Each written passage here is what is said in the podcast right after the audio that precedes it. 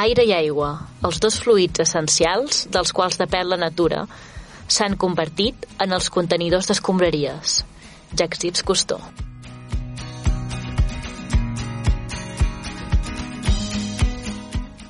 Ens plau donar-vos la benvinguda al setè programa de la tercera temporada de l'Hora del Ter.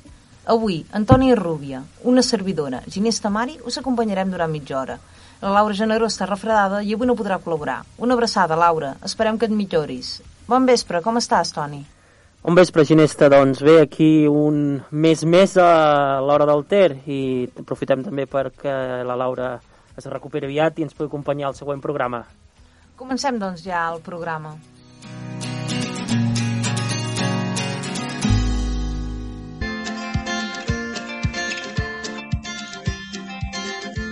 Endinsem-nos i coneixem-lo. El grup de defensa del Ter dia a dia. En aquest espai podrem conèixer l'actualitat del grup de defensa del Ter, les activitats, accions i denúncies que portem a terme amb l'objectiu de recuperar la vida i l'entorn de, la de la Conca del Ter i en defensa del territori. Comencem, doncs, amb la primera notícia. El passat 9 d'abril ens vam trobar amb estudiants del grau de Geografia de la Universitat de Barcelona a Manlleu i amb el seu professor, Albert Santa Susagna, vora el riu, a l'embarcador del Ter. Van poder intercanviar opinions i van conèixer de primera mà què és el grup de defensa del Ter, la seva tasca en el marc de Manlleu, Osona i Catalunya i les problemàtiques ambientals que actualment ens afecten i que tenen amenaçat el territori. Seguint amb la mateixa temàtica d'amenaces al territori, per una plana viva ha ressorgit impulsada per diverses entitats, entre elles el grup de defensa del Ter. Aquest passat 11 d'abril es va fer una caminada que va ser tot un, èxit de convocatòria, on un centenar de persones van participar-hi, guiats per la gent del Centre Excursionista de Torelló. Van poder veure polígons buits, grans, grans eixos viaris pel cotxe que genera molta especulació pels terrenys i gran línia, grans línies d'alta tensió. Tot això per paratges agrícoles i naturals d'alt valor, un entorn idíl·lic que va ser l'escenari de fons per parlar d'una de les amenaces més grans que hi ha actualment a la terra fèrtil, els nous projectes de parcs solars que van sortint com bolets per tot el territori.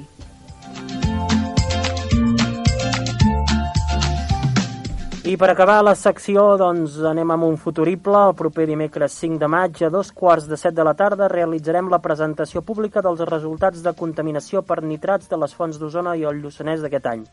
A la Font Calenta de Centelles tindrà lloc l'acte, un municipi que recentment ha estat declarat vulnerable de nitrats i ja tenim 40 municipis a tota Osona declarats com a vulnerables. En fi, no anem a millor. Us convidem a venir a aquest acte, que com sabeu és un de, dels actes més importants del grup de defensa del Ter. Aquest any hi haurà un show molt divertit, com sempre, i si no podeu venir, doncs seguiu per les xarxes.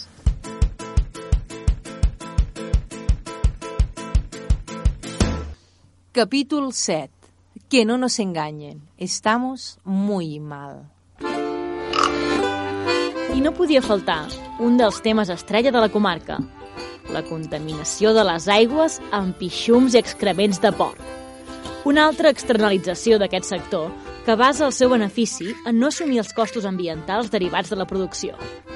En aquest gag ens acompanyaran l'industrial porcí, que està una mica pujat d'ego per l'increment de vendes a la Xina, una ecologista, que encara creu que pot canviar el món, presentant del Departament d'Agricultura que, val, no la descriurem per no ferir sensibilitats, dir, de forma diplomàtica, que vol estar a bones amb tothom.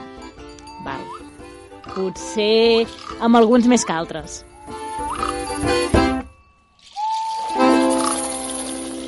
Vaja, per fi ens reunim els tres.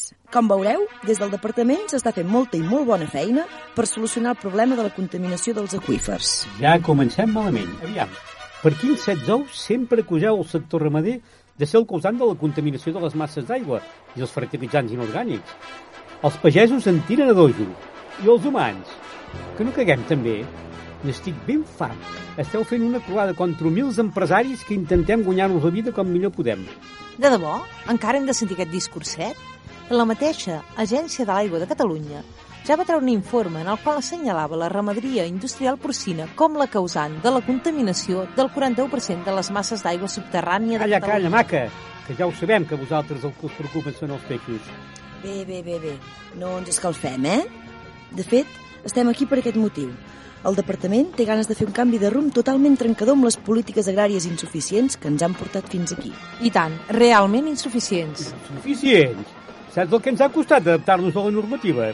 En tot cas, amb el nou decret esperem que tots els sectors quedin contents. Hem de partir de la base que existeix un problema real de contaminació per nitrats. Ara bé, també és veritat que el sector industrial porcí ofereix molts llocs de treball i és un percentatge important del PIB. Per tant, en vista de tot això, el nou decret neix amb la voluntat d'afavorir el creixement en el nombre de caps de bestiar. Què? No em tallis, si us plau, sempre i quan la quantitat de nitrogen generat a la granja no augmenti. Però a veure, a Osona, actualment, hi ha el doble de ports dels que podria haver-hi, d'acord amb la normativa de dejeccions. És a dir, ens faltaria una altra comarca per poder abocar el purí. I la seva proposta innovadora és permetre ampliar en caps de bestiar? M'agrada. Pot quedar molt bé a nivell d'imatge pública. L'Espatec Tech, fet en granges que no contaminen. Granges verdes, sostenibles, com si ho veiés. Sona fantàstic. Espero, tot i això, que estiguem parlant d'ajudes en I+D pel sector. A més a més, caldrà una forta inversió en tecnologia. Clar, clar, aquest nou decret va acompanyat, com no podria ser d'altra manera, d'ajudes generoses al sector per fer que encara sigui més competitiu. No m'ho puc creure. O sigui, ens trobem avui aquí degut a que hi ha masses porcs i la solució és posar més porcs. Espera, espera, que encara no has sentit totes les mesures. Segur que t'agradaran. Farem controls al sol dels camps per assegurar que la quantitat de purí abocada és la que necessita el cultiu. Ah, sí? Les pagarà qui es lucra, aquestes analítiques? No sigui simple. Com vols que el sector pagui això? Llavors no hi hauria marge de benefici. Saps els camps que hi ha? No, no, ho pagarà el mateix departament. Millor ens expliques la següent mesura, perquè aquesta la veig igual de nociva que l'altra. Doncs la següent mesura seria molt efectiva. Farem seguiment en GPS de les cisternes que van a tirar purí. Ah, em sona. Fa uns 20 anys que dieu que es farà. Saps la paperassa que hi ha? Ara just comencem a saber-ho. Trobo que la mesura és molt carregosa, sobretot quan els camps estan a prop de la granja. Ah, sí, m'havia descuidat de dir que no caldrà usar el GPS quan la granja estigui a menys de 10 quilòmetres del camp. Ho trobo tot plegat molt indignant.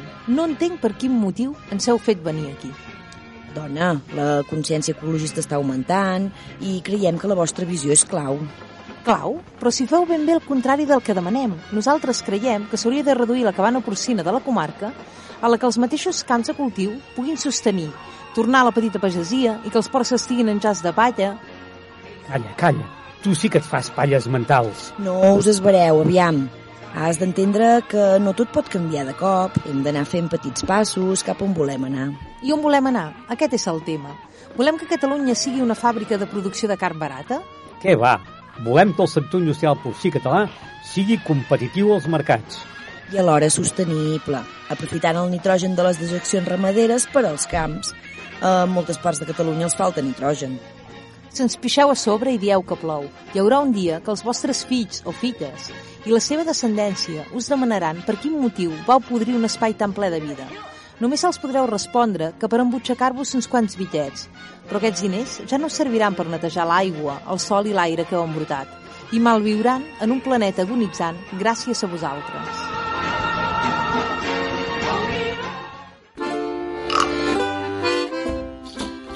Un tema lingüístic, si més no curiós, que potser us fa rumiar. Osona fa anys que ha estat declarada zona vulnerable per nitrats. Això implica que, en principi, ara bé, sense cap control, es pot abocar menys purí. Tanmateix, el noticiable del cas és que el 50% de les masses d'aigua subterrània de la comarca ja estan contaminades amb nitrats.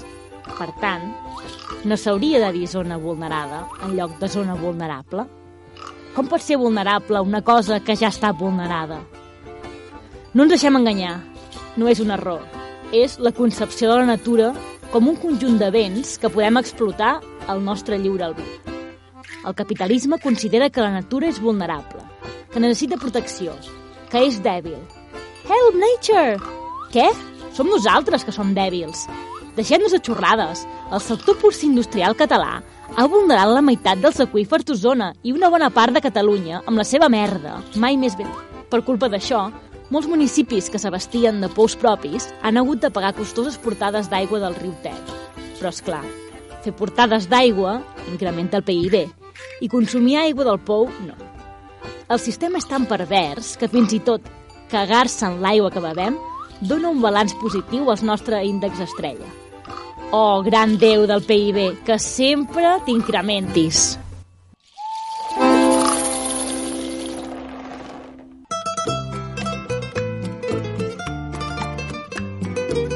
Les lluites d'avui.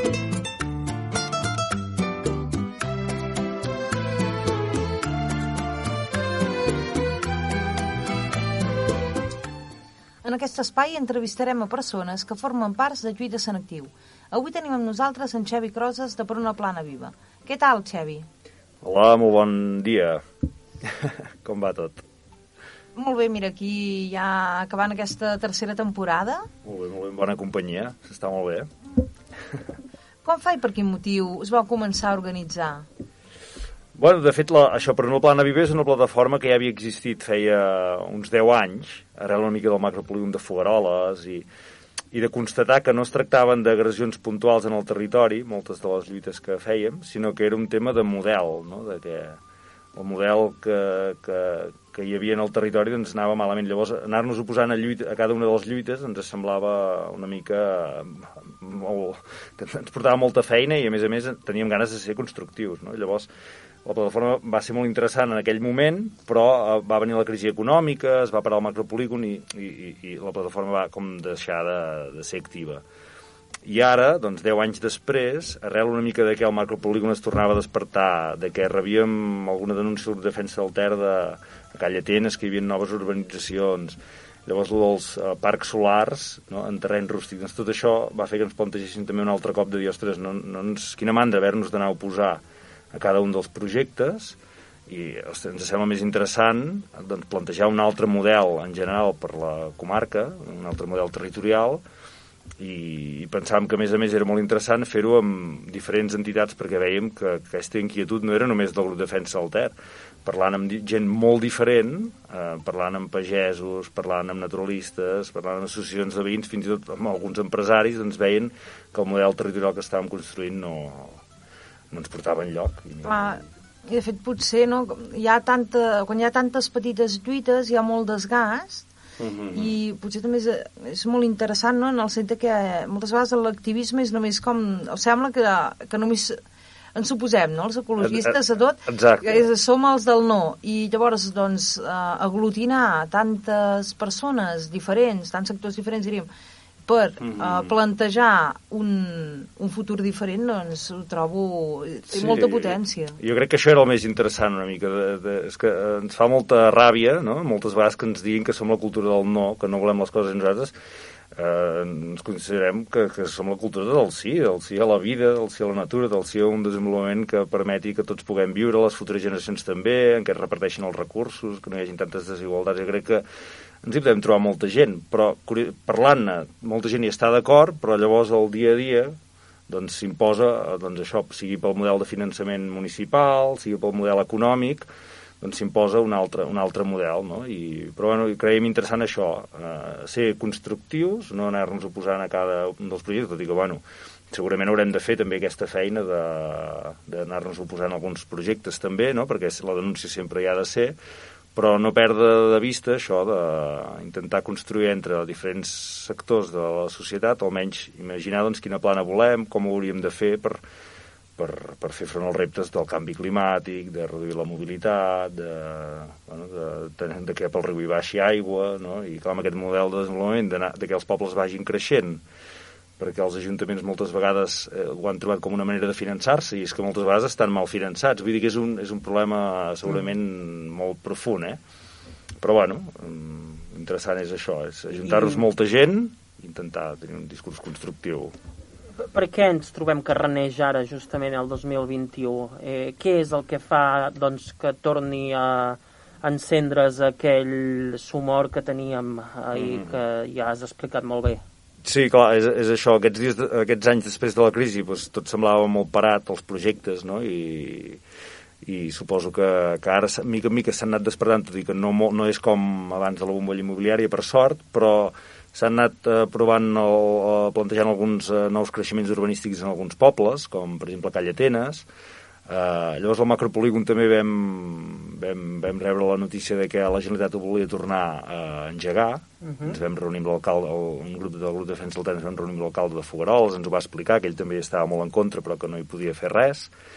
I just quan estàvem això batallant una mica per això del polígon va aparèixer també la, la notícia dels parcs solars i una preocupació molt gran, va, va sortir el projecte d'aquí a, aquí a Manlleu, concretament entre Manlleu i Torelló, però a més a més des dels pagesos ens van dir que, bueno, que, que estaven rebent moltes pressions arreu del territori per, per posar plaques i aleshores, bueno, doncs, tot per tot plegat va, ser, va, va fer, no? va ser, suposo, la gota no? que fa, va vessar el got, no? i amb tots aquests diners que ara vindran d'Europa, eh, dels Next Generation, no? aquests fons eh, per uh -huh. sortir de la crisi del Covid, doncs, clar, eh, com que les renovables doncs, són molt temptadores i, i sembla que tothom hi està d'acord, i, i evidentment que, que són positives, però bueno, s'enduen una gran part del pastís de, de, de diners i clar, aquestes inversions doncs, eh, aniran per això i hem d'intentar que no ho agafin grans multinacionals, no?, una mica, i, si Clar, que de fet és el que està passant, no? Que són les grans multinacionals a les que mm. ho agafen i, de fet, eh, alguns pagesos se'ls han fet ofertes molt interessants, no?, econòmiques. Clar, és que, és que et solucionen la vida, si clar, és que el problema és que com a, hectàrees. Exacte, ens parlava un pagès que oferien fins alguna vegada, fins a tres vegades més, el que et dona la terra, entre cometes, si, si ho llogues per, per fer menjar o així, o, o, o posar-hi plaques. Entenem que mm, personalment cadascú està en la situació que està, a més a més a pagès costa, poder no hi ha relleu, potser els fills no volen continuar, llavors pot ser una opció, però bueno, eh, una cosa és el que pot passar a cada situació personal i l'altra és que socialment eh, podem pactar que no és eh, positiu que tota la terra fèrtil s'ompli de plaques solars perquè uh -huh. evidentment hem d'omplir primer les taulades eh, a la terra fèrtil li hem de fer menjar de fet eh, l'energia solar ja s'aprofita en els camps ja s'aprofita per fer menjar Uh, aleshores hem de, hem de batallar molt fort per, per reduir el consum, sobretot, hem de reduir el consum d'energia i, i per això jo crec que per exemple la Viva una de les coses més interessants que, que proposa és, és eh, la planificació territorial, és això, com, com pensem els pobles i les ciutats i la plana de Vic en general perquè reduïm la despesa energètica i una de les claus és la mobilitat, que és la despesa més important.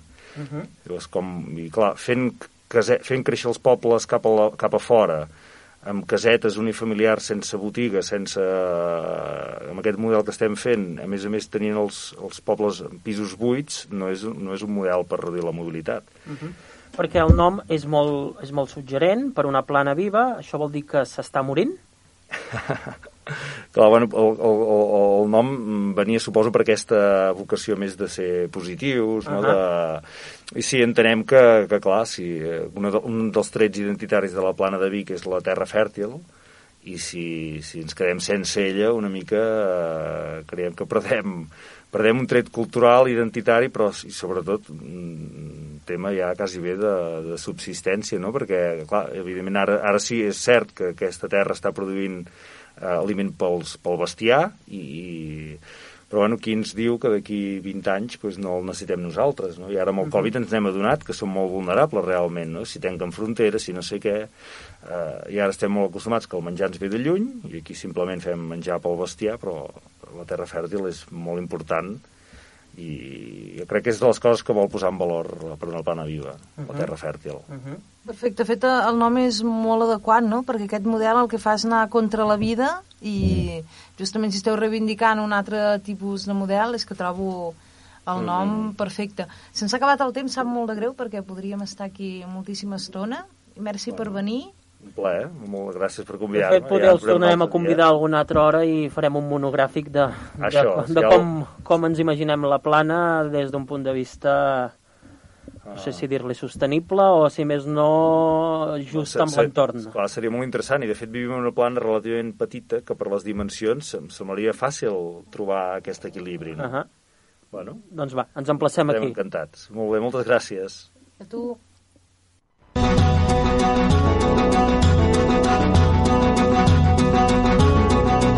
Les sòcies parlen. Bé, doncs, continuem amb aquest setè programa i avui en la secció de les sòcies parlen ens anem fins al Lluçanès i parlem amb, amb Pol Asensi. Bon vespre, Pol. Hola, bon vespre, què tal? Doncs mira, aquí amb ganes de parlar amb tu i a veure què ens pots explicar. Si et sembla, com que tenim aquí a la ràdio els minuts comptats, anem, anem de cara a barraca. Som-hi. Doncs va, Pol, des de quan vas decidir fer-te soci del grup de defensa del Ter i què és el que et va motivar a fer el pas o què és el que et va d'alguna forma moure a formar-ne part? Doncs no sé exactament en quin moment em vaig decidir fer soci del GDT. Devia ser després de la universitat, que potser vaig tenir els ingressos una mica més fixes i en algun moment devia dir, va, em faig soci perquè el GDT és una entitat que sempre n'hem sentit a parlar jo ja tota la vida i que mm, cal donar també suport des de Lluçanès, que el GDT mai s'ha oblidat de Lluçanès ni de les mogudes ambientals que hi ha per aquí i de, algun dia vaig dir, va, em faig soci del GDT perquè cal recolzar tota aquesta tasca i seguir, seguir lluitant. Quin, I quin és, en aquests moments, quin seria el teu vincle amb l'entitat? I ets soci, a més de soci estàs actiu i participes d'algunes comissions, una mica? Quin rol desem... Sí. fas a l'entitat? Um, gaire amb el GDT no. Tenim les, les nostres mogudes aquí Lluçanès i tot plegat, i el que col·laboro ben bé directament amb el GDT és amb l'anàlisi de les fonts, de les aigües de les fonts, que ja deu fer dos o tres anys que un grupet d'aquí ens coordinem amb la Laura per fer les fonts que convingui de per aquí a Lluçanès i anar a buscar les mostres. Però no, no col·laboro en cap comissió més del GDT. Saps que les portes les tens obertes sempre que vulguis, només Sí. faltaria. I fem una cosa, ens parlaves de les mogudes que teniu per aquí pel Lluçanès, així ambientals, eh, no sé si ens pots explicar alguna que tinguis.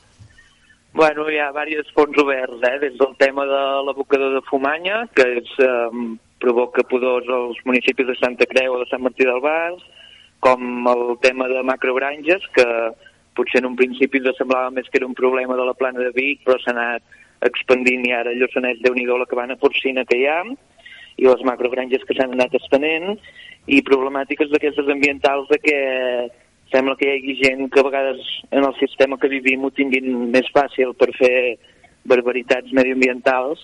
Recordo, per exemple, que potser va ser en algun, en algun dels moments en què em vaig fer soci, Uh -huh. que va sortir la llum de que un pagès d'Oristà va abocar una bassa de purins i un cop fet el judici li va sortir més econòmic pagar la multa que el que li hagués costat escampar els purins regularment.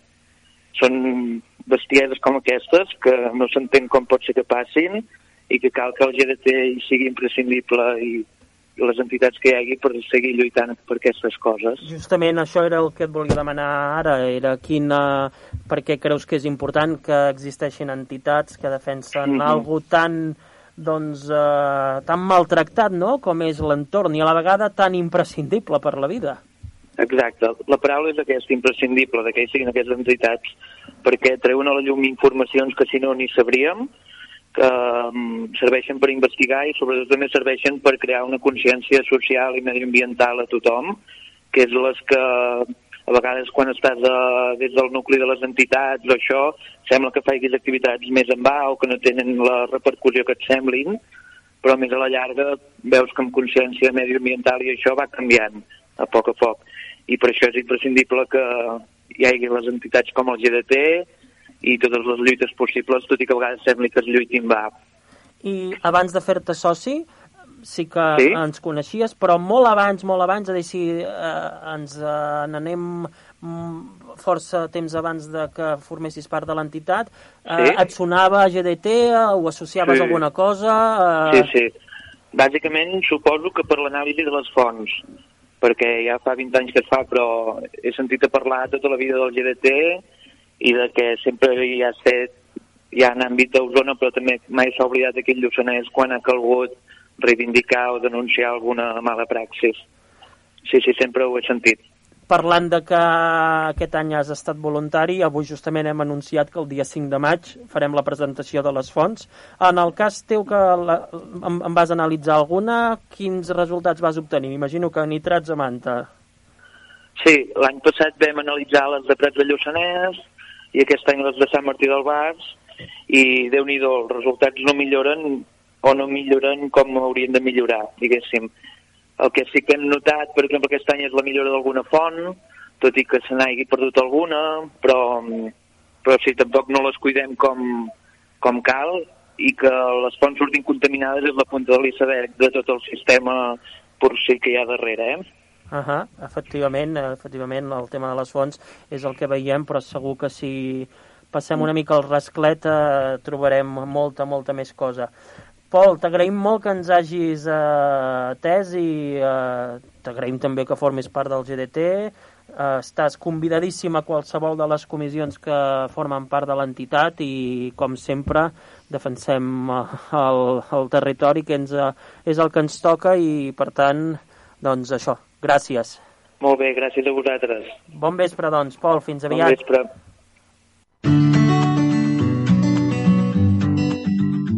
Preguntes, dubtes i reflexions. Traiem-ne l'aigua clara. En aquest espai intentarem donar resposta a preguntes a les persones oients.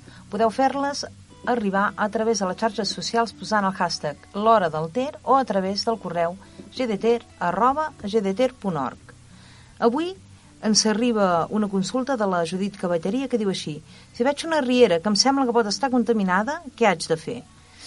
Doncs nosaltres el que recomanem és trucar als agents rurals. A nosaltres també ens agrada que, que ens informeu i que ens envieu fotos, perquè així nosaltres podem fer més a la part de, de denúncia pública, ja que moltes vegades, com ja hem parlat en altres programes, doncs, la, la denúncia més administrativa, fins i tot la trucada als Mossos d'Esquadra, fins i tot en casos molt exagerats de mortalitat de peixos no, no porten lloc. Llavors, jo crec que, que una bona estratègia és fer, diríem, la, la, vida, la via legal, que seria trucar als rurals o directament a, als Mossos d'Esquadra i també fer la via de contactar amb nosaltres perquè en puguem fer una denúncia pública i perquè també puguem fer un seguiment de què passa amb aquest procés, perquè tantes vegades queda, queden arxivades aquestes denúncies que nosaltres el que estem fent és agafar doncs, denúncies que hem anat rebent durant molts anys i d'aquí un temps això dèiem de treure-ho, que surti a la llum totes aquestes denúncies que s'han fet i que no han servit per res. Em sap greu no, no ser més optimista eh, amb el tema, però la, la realitat del dia a dia ens demostra que no que realment no es fa res. Perdona, Toni, digues. No, de fet, justament el que comentes és és, no sé si indignant, però si més no quelcom que, que cal revisar, no? que la, la denúncia que puguis fer per un delicte contra la natura, eh, que és abocar qualsevol cosa en una riera, mm, sovint queda en res. Per tant, la part legal, administrativa, eh, o, o no vol o no pot, no sé eh, quina, o les dues coses, eh, però no acaba ni investigant suficient, ni atrapant a qui ho ha fet, ni castigant, perquè evidentment els delictes contra l'entorn també han de ser castigats. De fet, ara fa poc recordo haver llegit un abocament que eh, doncs els agents rurals van acabar arxivant-ho tot i, i tot plegat. I, eh, em costa d'entendre, de, no? Perquè fins i tot ens hem trobat rieres que baixen blaves, no? Sí, sí, hem trobat de, hem trobat de tot. I, I, de fet, potser el més desesperant, fins i tot, és eh, el cas que ens comentava en Pol, no?, d'Oristà, que va haver-hi un abocament de moltíssims litres de purins directament a, a la riera. Aquest sí que va arribar a la justícia, però després de la multa doncs, li sortia més barata que abocar els purins al camp. Llavors, clar, tenim un problema gravíssim. Ja no és només que aquests casos moltes vegades s'arxivin, sinó que quan arriben a la justícia no se'ls dona la importància que tenen. Llavors, clar, si et surt més a compte delinquir que fer les coses bé, és que alguna cosa haurà de canviar. I fa molts anys que se'ns diu que es farà un règim sancionador més seriós, però és com totes aquestes promeses buides de, de l'administració. En fi, no podem treure massa l'aigua clara més enllà de continuar denunciant i si hi ha una riera que té la pinta de tenir un abocament, trucada als Mossos d'Esquadra o agents rurals. I res, des del GDT continua denunciant que això és el que toca.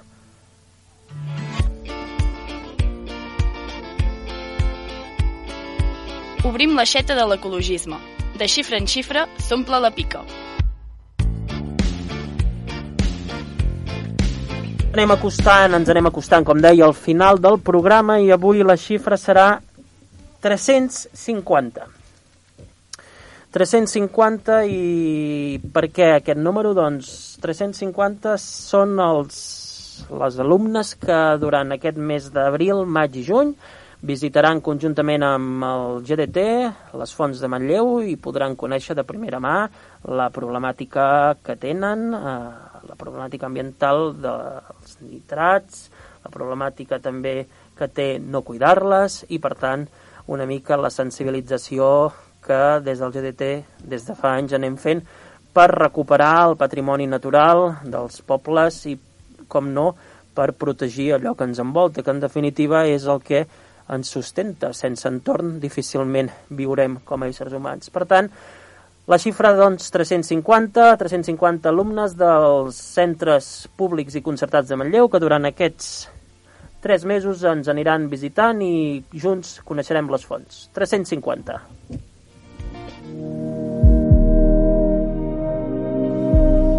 Acabem el programa d'avui amb la cançó Kiribati, de Guillem Roma, que no vam poder posar a l'últim programa ja que vam tenir problemes tècnics. És una cançó que dona nom al seu nou àlbum. Kiribati és un arxipèlag d'illes del Pacífic, un paradís al mig del no-res, i el primer país sencer que quedarà submergit sota el mar pel canvi climàtic. Un símbol de com l'espècie humana acabarem amb el món que ens dona vida, si no fem un canvi radical i urgent. Ens acomiadem doncs amb aquesta cançó fins al proper programa. Fins la propera. Amb